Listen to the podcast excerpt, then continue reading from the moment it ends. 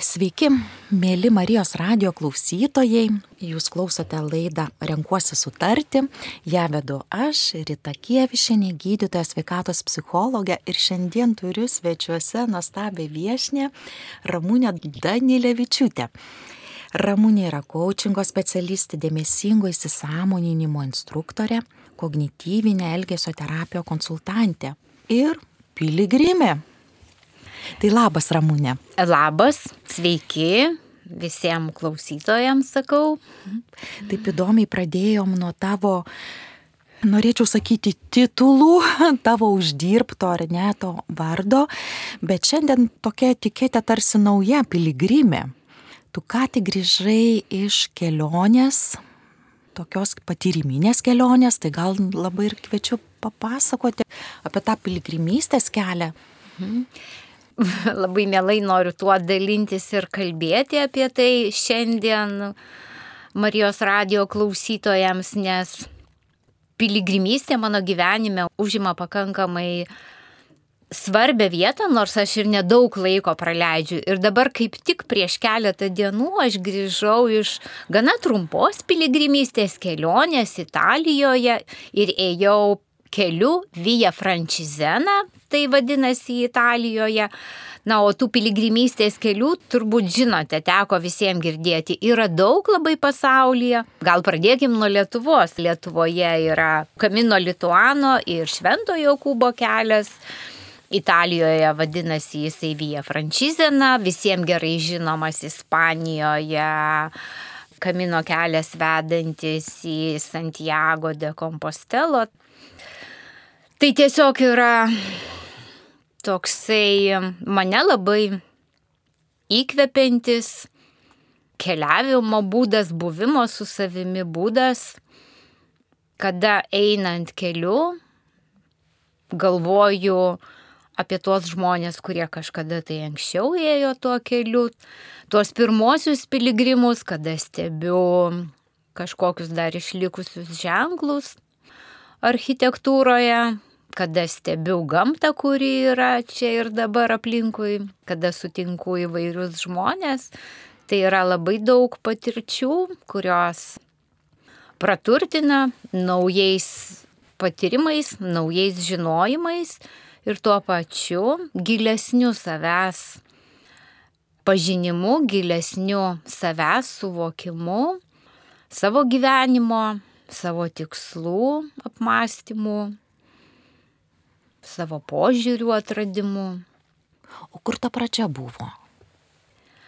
Pradžia iš tikrųjų buvo labai įdomi. Prieš, nežinau, kiek čia jau metų praėjo, gana daug, gal jau ir kokie septyni, gal ir dar daugiau. Pradžia buvo gestalto studijų metu mūsų studenčių tarpe tai buvo populiari tema, kad mes norime keliauti, išbandyti Santiago de Compostelo kelią, patirti, kas ten vyksta su žmonėmis, nes daug labai girdėjome dalykų apie tai. Na ir su grupiokė dalė mes Tiesiog nusprendėme, susiorganizavome ir išvykome į dviejų savaičių žygį pėsčiomis, bet praėjome tik tai gabalą to kelio nuo Astorgos iki Santiago de Compostelo. Ir tai buvo pirmas susipažinimas su tuo keliu, bet aš pasakysiu, kad man tai buvo tas kelias, jisai nebuvo toksai samoningas, buvo pakankamai mažai to mano buvimo su savimi, jis nebuvo gilus, buvo mažai išvalgų lyginant su tom patirtim, kurias aš turėjau po to. Bet tai buvo pirmas mano drąsos padarytas žingsnis ir dviese Nu, ir jį reikėjo padaryti, kad sektų kiti žingsniai. Taip, taip, tu labai taip ir įvardinai drąsos žingsnis, nes mes, kai esam, na taip užsibūvę toj rutinoj tokioj, to drąsos žingsnio ir pritrūksta. Ir čia girdžiu, kad dviese tą žingsnį žengėte. Tai turbūt irgi palaikymas toksai, pastiprinimas turbūt viena kitos buvo. Taip. Ir dar ką girdžiu, kad neužbaigėt kelionės. Gestalto terapijoje man ta frazė yra girdėta neužbaigti gestaltai. Tarsi, kai kažko neužbaigiu, na ir norisi kažkaip tai tarsi užbaigti. Tai čia buvo tesinys ir kita kelionė. Taip, toj kelionėje aš pakankamai irgi nedrasiai jaučiausi, sunku buvo išbūti su tuo neapibrieštumu ir, ir labai buvo neaišku, kas kur laukia ir ne visada buvo ramu viduje. Tai sekančią kelionę po metų aš jau pasirinkau viena, ėjau viena ir ėjau jau kitų kelių, ėjau iš Porto, iš Portugalijos į Santiago de Compostelo per dvi šalis - Portugaliją ir Ispaniją. Ir čia buvo toksai lūžis šitos kelionės metu, kada aš ėjau viena, viena buvau atsakinga už planavimą, už tą nakvynę susiradimą, už tiesiog išlikimą sveika. Tai mane labai apdovanojo šitą kelionę giliais patyrimais. Sutikau labai daug žmonių, Galbūt ir aname kelyje sutikau aš daug žmonių, bet tiesiog, kada dabar ėjau viena, tikrai turėjau labai daug galimybių bendrauti su žmonėmis ir bendravau su įvairiausiamis tautomis. Ir patyriau, kodėl skirtingi žmonės eina tuo keliu, kokius jie turi tikslus, Kažkas tai turi tikslą praleisti atostogas, kažkas turi tikslą pažinti save, kažkas atgailauja už savo gyvenimus, kažkas tai tą žygį ėjimą dovanoja savo artimiems žmonėms, kurie serga ir meldžiasi to žygio metu ir kviečia aplinkinius pasimelsti, kažkas tai gilina santykius su pačiais artimiausiais žmonėmis. Tikrai labai, labai prasmingų Išvalgų tokių buvo taip ir kiekvieno poreikis yra savas, tik jam svarbus, tik jis greičiausiai žino, dėl ko eina. Ir kaip, nežinau, va toks klausimas ir būtų, ar atradai šioje kelionėje atsakymą galbūt, ar buvai gal išsikėlusi klausimus, ar tiesiog atsidavai tam procesui ir tiek. Pradžioje aš buvau atsidavusi procesui, nes aš toks labai procesinis žmogus. Tiesiog panyru į tai ir, ir labai gyvenu tame, džiaugiuosi, patiriu. Bet kelionės metu iš tikrųjų buvo tokių įvykių, kada aš susitikau su žmonėmis ir jie man priminė mano praeitie sutiktus žmonės, praeitie turėtų santykius su žmonėmis, kurie ne visi buvo sveiki, priminė man toksiškus santykius ir aš galėjau pasižiūrėti į tą savo praeitį per būtent čia ir dabar patirti, susitikusi tuos žmonės ir patirti, kaip tai yra. Ir netgi išgirsti aplinkinių žmonių reakcijas į tai, kaip jie mane mato, tame kelyje. Tai iš tikrųjų buvo labai tokia stipri patirtis, ką tai reiškia bendrauti, sakykime, su a, šviesiais žmonėmis ir ką tai reiškia bendrauti su tamsiais žmonėmis. Ir kiek reikia stiprybės išlikti savimi, papuolus į kažkokį tai santyki su tamsiu žmogumi ir kiek reikia stiprybės išeiti iš to santykio ir atsitraukti.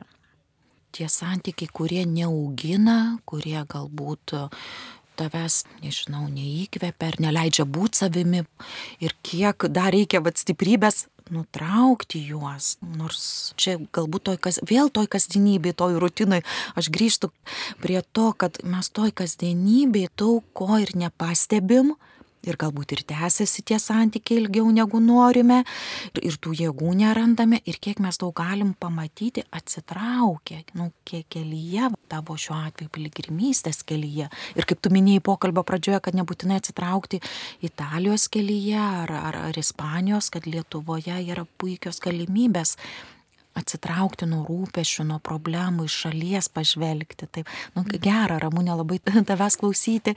Ir tu minėjai ir grįžus iš šios kelionės apie neapibrieštumo jausmą, kai negali kontroliuoti, kas įvyks, kas neįvyks ir apie tą nerimą, kuris vis atsiranda, kaip šiek tiek galėtum papasakoti ir kaip tu su juo susidorodavai. Mhm.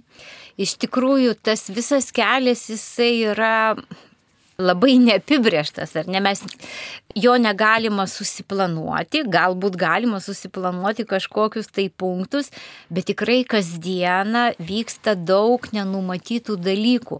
Ir to neapibrieštumo, na, jis ištisai yra tas neapibrieštumas, Taip. nes nežinia, koksai bus oras ir kokiu greičiu aš galėsiu įveikti tą atstumą ir kada aš būsiu tame punkte.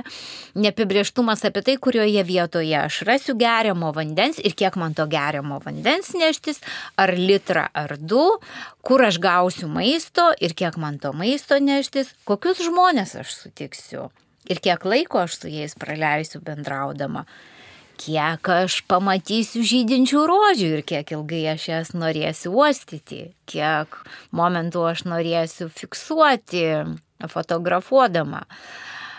Tai čia daug yra malonių dalykų ir daug yra tokių sudėtingesnių dalykų. Galima vėl nusitrina kojos ar neatsiranda puslės, su tuo skausmu reikia išbūti ir, ir kaip judėti. Nuo antros, trečios kelionės dienos jau tikrai jau ir ryte tas kojas skauda, ir kuprinė sunkėja, o jeigu užeina lietus ar ne, tai yra šlapia sunku, prie batų limpa molis, kojos darosi sunkios kažkuriuose tai keliukuose. Tai tiesiog išmoksti priimti tą neapibrieštumą, būti su tuo nerimu ir tas nerimas keliaujant su kiekviena kelionė jisai, man bent jisai rimo ir darėsi toksai ramesnis ir vis stiprėja tas suvokimas, jis yra ir kasdieną gyvenant tas suvokimas, ar ne, kad mano nerimavimas nepaveiks oro, nepaveiks to, kiek tą dieną lis, o gal net ir pasniks, jeigu tai yra šiek tiek aukščiau kalnuose. Tiesiog bus taip, kaip bus mano nerimas, mano baimė ar įtampa, jinai niekaip neįtakos gamtos, jinai niekaip neįtakos atstumo, kurį man reikia nueiti iki vandens šaltinio, tiesiog aš pati turiu nuspręsti, koks tai man yra saugus vandens kiekis, kurį aš noriu neštis kartu su savimi. Ir labai įdomu stebėti save. Kelionės pradžioje kažkodėl tai norisi neštis litrą, pusantro litro vandens, visada turėti su savimi. Atsargos, atsargos turėti. Taip, atsargos. O kelionės vidury tai jau tik tai pusės litro užtenka, o po to visai gerai turėti jau ir tik tai 250 ml atsargos vandens. Ir, ir va irgi save stebėti, kiek man tų atsargų reikia, koks tai man yra saugus kiekis vandens, saugus kiekis maisto, kaip tai keičiasi kelionės metu. O ką tai man duoda šitą išvalgą mano kasdieniniam gyvenimui? Kiek aš tų atsargų noriu turėti namuose ir jaustis komfortiškai? Ar iš tikrųjų reikia tiek tų atsargų? Rūbų, maisto, pinigų, taip, taip. batų. Ir tikrai nereikia. Daiktų. Ir tikrai to nereikia. Ir vėlgi einant piligrimystės keliu, optimalus svoris kuprinės turėtų būti iki 7 kg ir ten tikrai labai mažai daiktų telpa. Bet kelionės vidury atrandi daiktų net tarptų 7 kg, kurie nebūtini ir jų buvo galima neimti. Bet aš juos pasėmiau dėl saugumo, ar ne? Gal pravers, o gal reikės. O kasdieniniam gyvenime, kiek mes turime tų aplinkui atsargų, kurios lyg ir teikia mums komfortą, lyg ir teikia mums saugumą, bet labai daug ką prarandame dėl to. Dėl tų atsargų labai daug laiko mainome į pinigus, savo laiko atiduodame kažkam ir darome ne tai, kas mums svarbu, ne tai, ką mes norėtume. Taip, nes tai, kad turėti tų papildomų daiktų, automatiškai reikia uždirbti pinigus.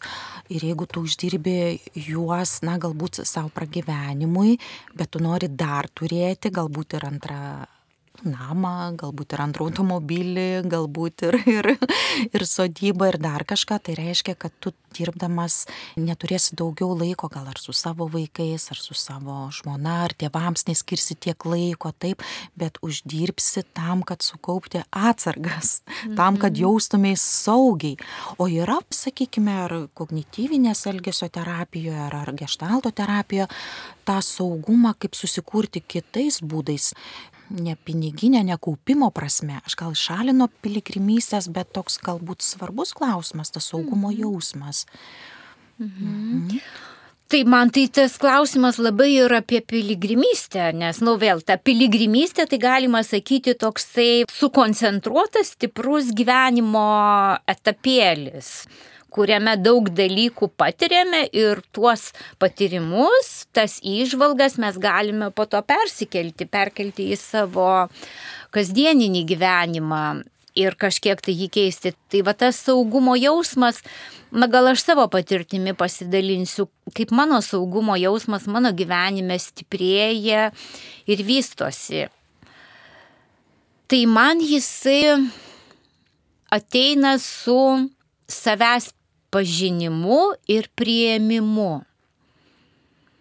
Ir kada aš priimu save, man nereikia nerimauti dėl to, kaip mane priims kiti žmonės.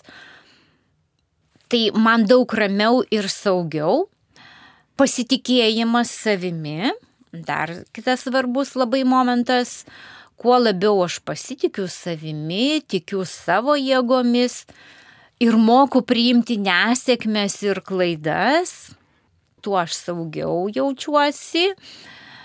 Ir gebėjimas bendrauti su įvairiais žmonėmis ir išbūti su tais žmonėmis irgi labai suteikia daug saugumo jausmo. Tai vėlgi man tai čia yra apie tą, jeigu per kognityvinę elgesio terapiją žiūrėsime ar ne, tai gebėjimas atpažinti, atskirti, kokios yra mano mintis, kokios yra mano emocijos, kokie yra pojūčiai kūne, kas man iš to kyla, kokie impulsai, ką daryti, ką veikti, kaip aš veikiu. Po to reflektavimas, kaip tie dalykai, kaip tai dėliojasi, kaip tai pasireiškia mano veiksmuose, kažkoks tai keitimas ir vėl kas iš to išeina. Na, toksai ratas. Ir galbūt, kaip kognityvinė elgesio terapija sako, ta žodis pakankamai, kad, na, jau, jau prisidžiovinau tiek duonos, nes girdėjau prasidėjus karui Ukrainoje, žmonės kaupė maisto atsargas, druską, džiovintą duoną, tai galbūt irgi tą žodį verta pasakyti, na gal jau pakankamai aš juos prisidžiovinau, taip, arba jau pakankamai tų kilogramų nusipirkau. Bet tiek, kiek mes vis tik tą jausmą, tą būseną mes susikūrėme mintise, jaučiuosi nesaugus, neturiu dar to.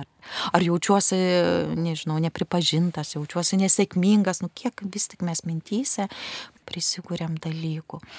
Aš primenu Marijos radio klausytojams, kad laida renkuosi sutarti ir svečiuose Ramūnė Danilevičiūtė, kočingo specialistė, dėmesingo įsisamoninimo instruktorė ir kognityvinės elgesio terapijos konsultantė šiandien dalinasi savo piligrimystės patirtimi. Kas dar, Ramūnė, tu atėjai šiandien į Marijos radijos studiją, pamatėjai rožės ir iškart pasilenkiai įkvėpti kvapo. Tai turbūt parsivežiai tų įspūdžių gamtos, taip? Tai grįžau aš dabar iš Italijos, ne iš Piemonto regiono, kuriame ėjau Vėja Frančizenos keliu.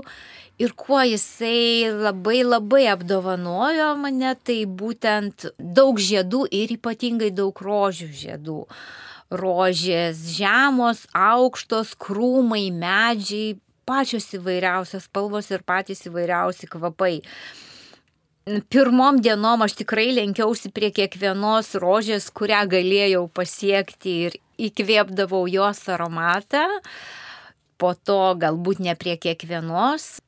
Ir šiandien įėjusi į Marijos radijo patalpas, pamačiau baltas rožės ir iš karto prie jų pasilenkiau. Tai tos gamtos dovanos, vaizdai, kvapai, galimybė paliesti rožių lapelius, rasos lašelius ant tų lapelių, nufotografuoti tai, užfiksuoti savo atmintyje ir turėti tai kaip resursą kurį aš galiu išsišaukti ar ne iš savo atminties prisiminti, bet kada lietingą dieną, tada, kada man reikia save pašildyti, pasistiprinti, tai tos gamtos dovanos man jos labai svarbios piligrimystėje. Ir dar va čia iš karto tai pereinu į tą momentą buvimą čia ir dabar. Kelyje laikas lėtesnis. Kelyje aš esu su savimi, kelyje labai daug akimirkų čia ir dabar yra kasdienėme gyvenime daug yra tų akimirkų, kada aš darau, bėgu, veikiu. Piligrimystėje pagrindinė laiko dalis yra čia ir dabar. Buvimo režime, taip, kaip, kaip mhm. sakome, tą dėmesį sukaupiam į dabartį, dėmesingai įsisamoniname tą dabartį, tai ta patirtis, kad dabar dabar, aha, ką jį tau davė, va, tas buvimas. Mm, tas buvimas dabar ir, ir visako patyrimas, tai duoda tai, kad patyrimai yra labai stiprus, patyrimų yra labai daug ir ta diena jinai tokia ilga, kad gale dienos, kada jau ruošiesi miegoti, ir galvoji, kad jau nebetelpa galvoj tie įspūdžiai, ir, ne, ir netgi į pabaigą dienos keliaujant būdavo tokių momentų, kad keičiasi miesteliai, gamtos vaizdai, bažnyčios, jau nebetelpa ten kažkokia ten, aš 6 val. 7 val. vakare įspūdžiai atrodo nebetelpa, ar ne į galvą, viskas, jau daugiau nebegaliu šiandien priimti. Tai mano va toksai irgi suvokimas, kad toks labai realus pačios patirtas. Koks gyvenimas gali būti stiprus ir ilgas, jeigu didžiąją gyvenimo dalį mes praleidžiame čia ir dabar. Visai nereikia bėgti. Daug, daug daugiau mes gauname iš to buvimo kiekvienoje akimirkoje. Daug stipriau patiriame gyvenimą ir daug ilgesnis, praspingesnis, turtingesnis jisai yra. Aš tą labai irgi taip atlėpiu tau, nes pastebiu tą dienos ilgumą, e, kai būnu sodyboje ir būnu išsijungusi socialinius tinklus, ar webinarus, ar mokymus, kurie vyksta per internetą. Tai ta diena tokia ilga, tokia pilna energijos, tokia, nežinau, ji visai kitokia. Ir tada tu turi laiko nueiti įkvėpti to žydinčios alyvos krūmo, turi laiko. Nes kitu atveju galbūt tu palenktum tą nosį prie ekrano ir žiūrėtum ten, kas vyksta nu, nerealiam, nu kaip nerealiam gyvenime. Ten irgi realus gyvenimas tam telefone vyksta. Bet va tas dienos ilgumas, man tai yra labai dovana, va tas suvokimas dienos ilgumo.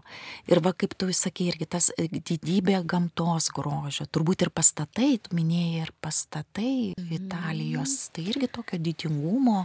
Mhm. Iš tikrųjų, Italija, lyginant su Lietuva, atrodo tokia sena šalis, nes ten tiek daug tų senų pastatų, į kiekvieną bažnyčią užeinant ir, ir pasiskaitant, kada jinai pradėta statyti, kiek kartų jinai atstatyta, tai patiri kokia ilgamžė žmonijos istorija kiek daug visko vyko, kas išliko, kurie būtent elementai architektūros ar miestų yra išlikę.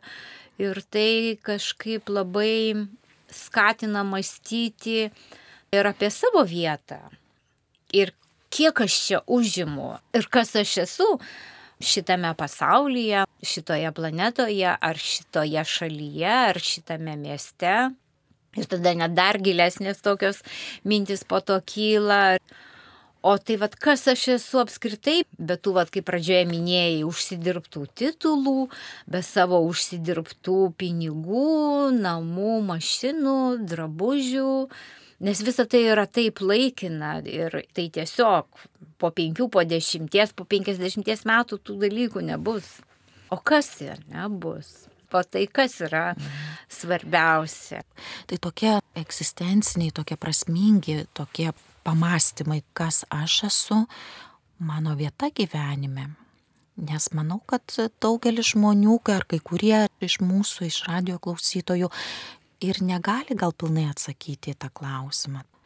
Kelias gali padėti greičiau atrasti tuos atsakymus. Čia tokia mano yra patirtis ir aš tikrai labai skatinu tuos klausytojus, kurie dar nebandė piligrimystės, žengti tą pirmą drąsos žingsnį ir jį labai lengvai galima žengti mūsų mieloj gimtoj Lietuvoj, nes mes turime daug piligrimystės kelių, mes turime keletą kamino lituano atšakų, mes turime Švento Jokūbo kelią vingiuojantį per daugelį Lietuvos rajonų ir Lietuvos savivaldybės daug pastangų deda, kad tuos kelius išvystyti, kad paženklinti paženklinti, sukurti mobiliasias aplikacijas, kurias galima kelyje naudoti ir labai saugiai keliauti.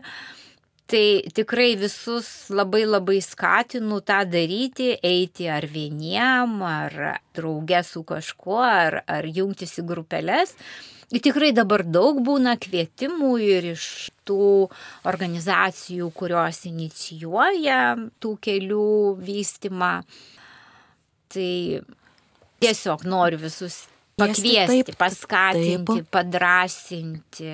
Ir tas pirmas drąsos žingsnis, kas būtų, tai internete surasti informacijos apie tai, koks mhm. kelias, išsirinkti kelią, taip susirinkti kuprinę iki Taip. 7 kg. Lietuvoje gal net ir mažesnė mhm. ta Na, kuprinė taip, galėtų porą dienų. Būti. Taip. Ko gero net ir mėgmaišio nereikia ir nėra kalbos barjero Lietuvoje, lengviau galima susirasti nakvynę ir netgi ją iš anksto galima turbūt susiplanuoti. O Ramūnė, tu Lietuvoje, kuriuo keliu, nuo, nuo kur mhm. pradėjai eiti? Lietuvoje pernai aš keliavau nuo Kretingos Šventojo Kubo keliu, Žemaitijoje ir pabaigiau plateliuose. Taip, kiek daug maž dienų buvo, gal prisimenu. Dienų, vad kaip tik žiūriu į savo tą piligrimystės pasą, kiek mes šiandien tų dienų praėjome. Dabar galvoju, galbūt ten buvo kokios penkios dienos. Tai buvo pakankamai toksai trumpas maršrutas, bet mes būtent jį taip ir planavome. Ir aišku, planavome jį irgi atsižvelgiant ir tai, kur pavyksta gauti nakvynės. Oras buvo puikus, bet tas trumpas maršrutas Žemaitijoje jisai labai apdovanojo tuo, kad sutikome tikrai įvairių žmonių. Pati pradžia buvo labai įspūdinga, kada mes pradėjome žygį iš Kretingos centrinės aikštės po trumpos maldos už Ukrainos žmonės. Ir kada besimeldžiantis mūsų dvi piligrimės palaimino ir išleido į tą kelią, tai tikrai išėjau į tą kelią su ašaromis akise tiesiog iki graudumo gera, malonu. Ir tas toksai palaiminimas jisai lydėjo per visą kelią. Ar nakvynės vietoje šeimininkai vaišino kava pusryčiais, kažkas vėl pakely stebėjosi, kad būtent tokio amžiaus moteris eina kelyje ir plojo ir ir skatino tai tęsti ir džiaugiasi, kad tai vyksta. Mm. Vat kaip klausau tavęs ramūnė ir tarsi nu patvirtinė, ar ne, tą nuostatą, kad pasaulis saugus, pasaulis pakankamai pilnas gerų žmonių, kad gali pagalbos rasti, net ir kitoj šaly, kur kalbos, nu, tu susikalbi angliškai. Tai tik tai pasitikėti reikia, taip, savimu, Dievu. Ir jeigu nėra tos tokios sveikatos, o galbūt jeigu vyresni žmonės klausosi laidose, galbūt sako, na, va, gal lengva kalbėti, taip, bet jeigu nėra tiek sveikatos, gal tai irgi mintyse labai tų įsitikinimų yra, kad negaliu eiti, nes gal ne, nebus gydytojo šalia, arba ten negaliu tiek daryti, nes gal persišaldysiu, o gal kojos net laikys, o, o gal skaudės. Tai va, ką patartum, pas ką tokių minčių yra, kurie galbūt net nebandė, bet yra minčių, mhm. kad tu patartum kaip specialistė. Tai aš Mhm. patarčiau pasigilinti iš pradžių tas iš ankstinės nuostatas, įsitikinimus, paieškoti to, kas mane sulaiko nuo kažko, tai kas mane stabdo. Ir saugiai žingsneliais pabandyti tą daryti, nepulti stačia galva, bet tiesiog galima pradėti piligrimystę ir nuo 5 km per dieną. Galima po to eiti jau ir 10 km, ir 15 ir visai užtenka. O galima 3 dienas po 10 km. Tai kiekvienam pasirinkti saugų, ėjimo greitį, pakankamai saugų atstumą pirmosioms dienoms ir tikrai išėjus su tikėjimu, kad aš galiu ir kad man padės Dievas, aukštesnės jėgos, čia priklausomai nuo to, kas kokią turi pasaulyje žiūrą, bet tikrai Dievas yra visur ir visada ir jisai lydi. Ir daug mes to Dievo savyje turime, tai tiesiog išgirsti Dievą savyje, savo stiprybę pajusti ir išeiti su ją. Ir tavęs beklausant, žinai, taip atrodo ir paprasta, iki tol neturėjau tokio noro keliauti tuo keliu, bet šiuo metu va jaučiu tą smalsumą, o kaip būtų, o norėčiau jau, ar viena norėčiau, va tas smalsumas toksai jau ta emocija gimė. Tai labai dėkinga, kad tu daliniesi, mūsų laikas prabėgo kaip minutė. Labai dėkinga ir galbūt užbaigiant mūsų laidą, ką palinkėtum, kokia išvalga galbūt dar tavo, kur liko atrasta, pasidalinti norėtum. Mhm. Tiesiog norėčiau dar pasidalinti tokia mintimi, kad kelias yra labai įvairus. Ir kiekvienas žmogus jame randa skirtingus dalykus. Ten yra ir nuotikių, ir patyrimų, ir labai rimtų įvykių, sukrečiančių įvykių, labai gilių įžvalgų, prasmingų susitikimų. Tiesiog apsispręskite ir eikite, ir patirkite, ir apdovanokite save. Ačiū Ramūnė, kad atėjai, labai dėkinga tau, kad dalinaisi savo asmenę patirtim, savo išvalgom. Buvo gera tave girdėti ir jautru.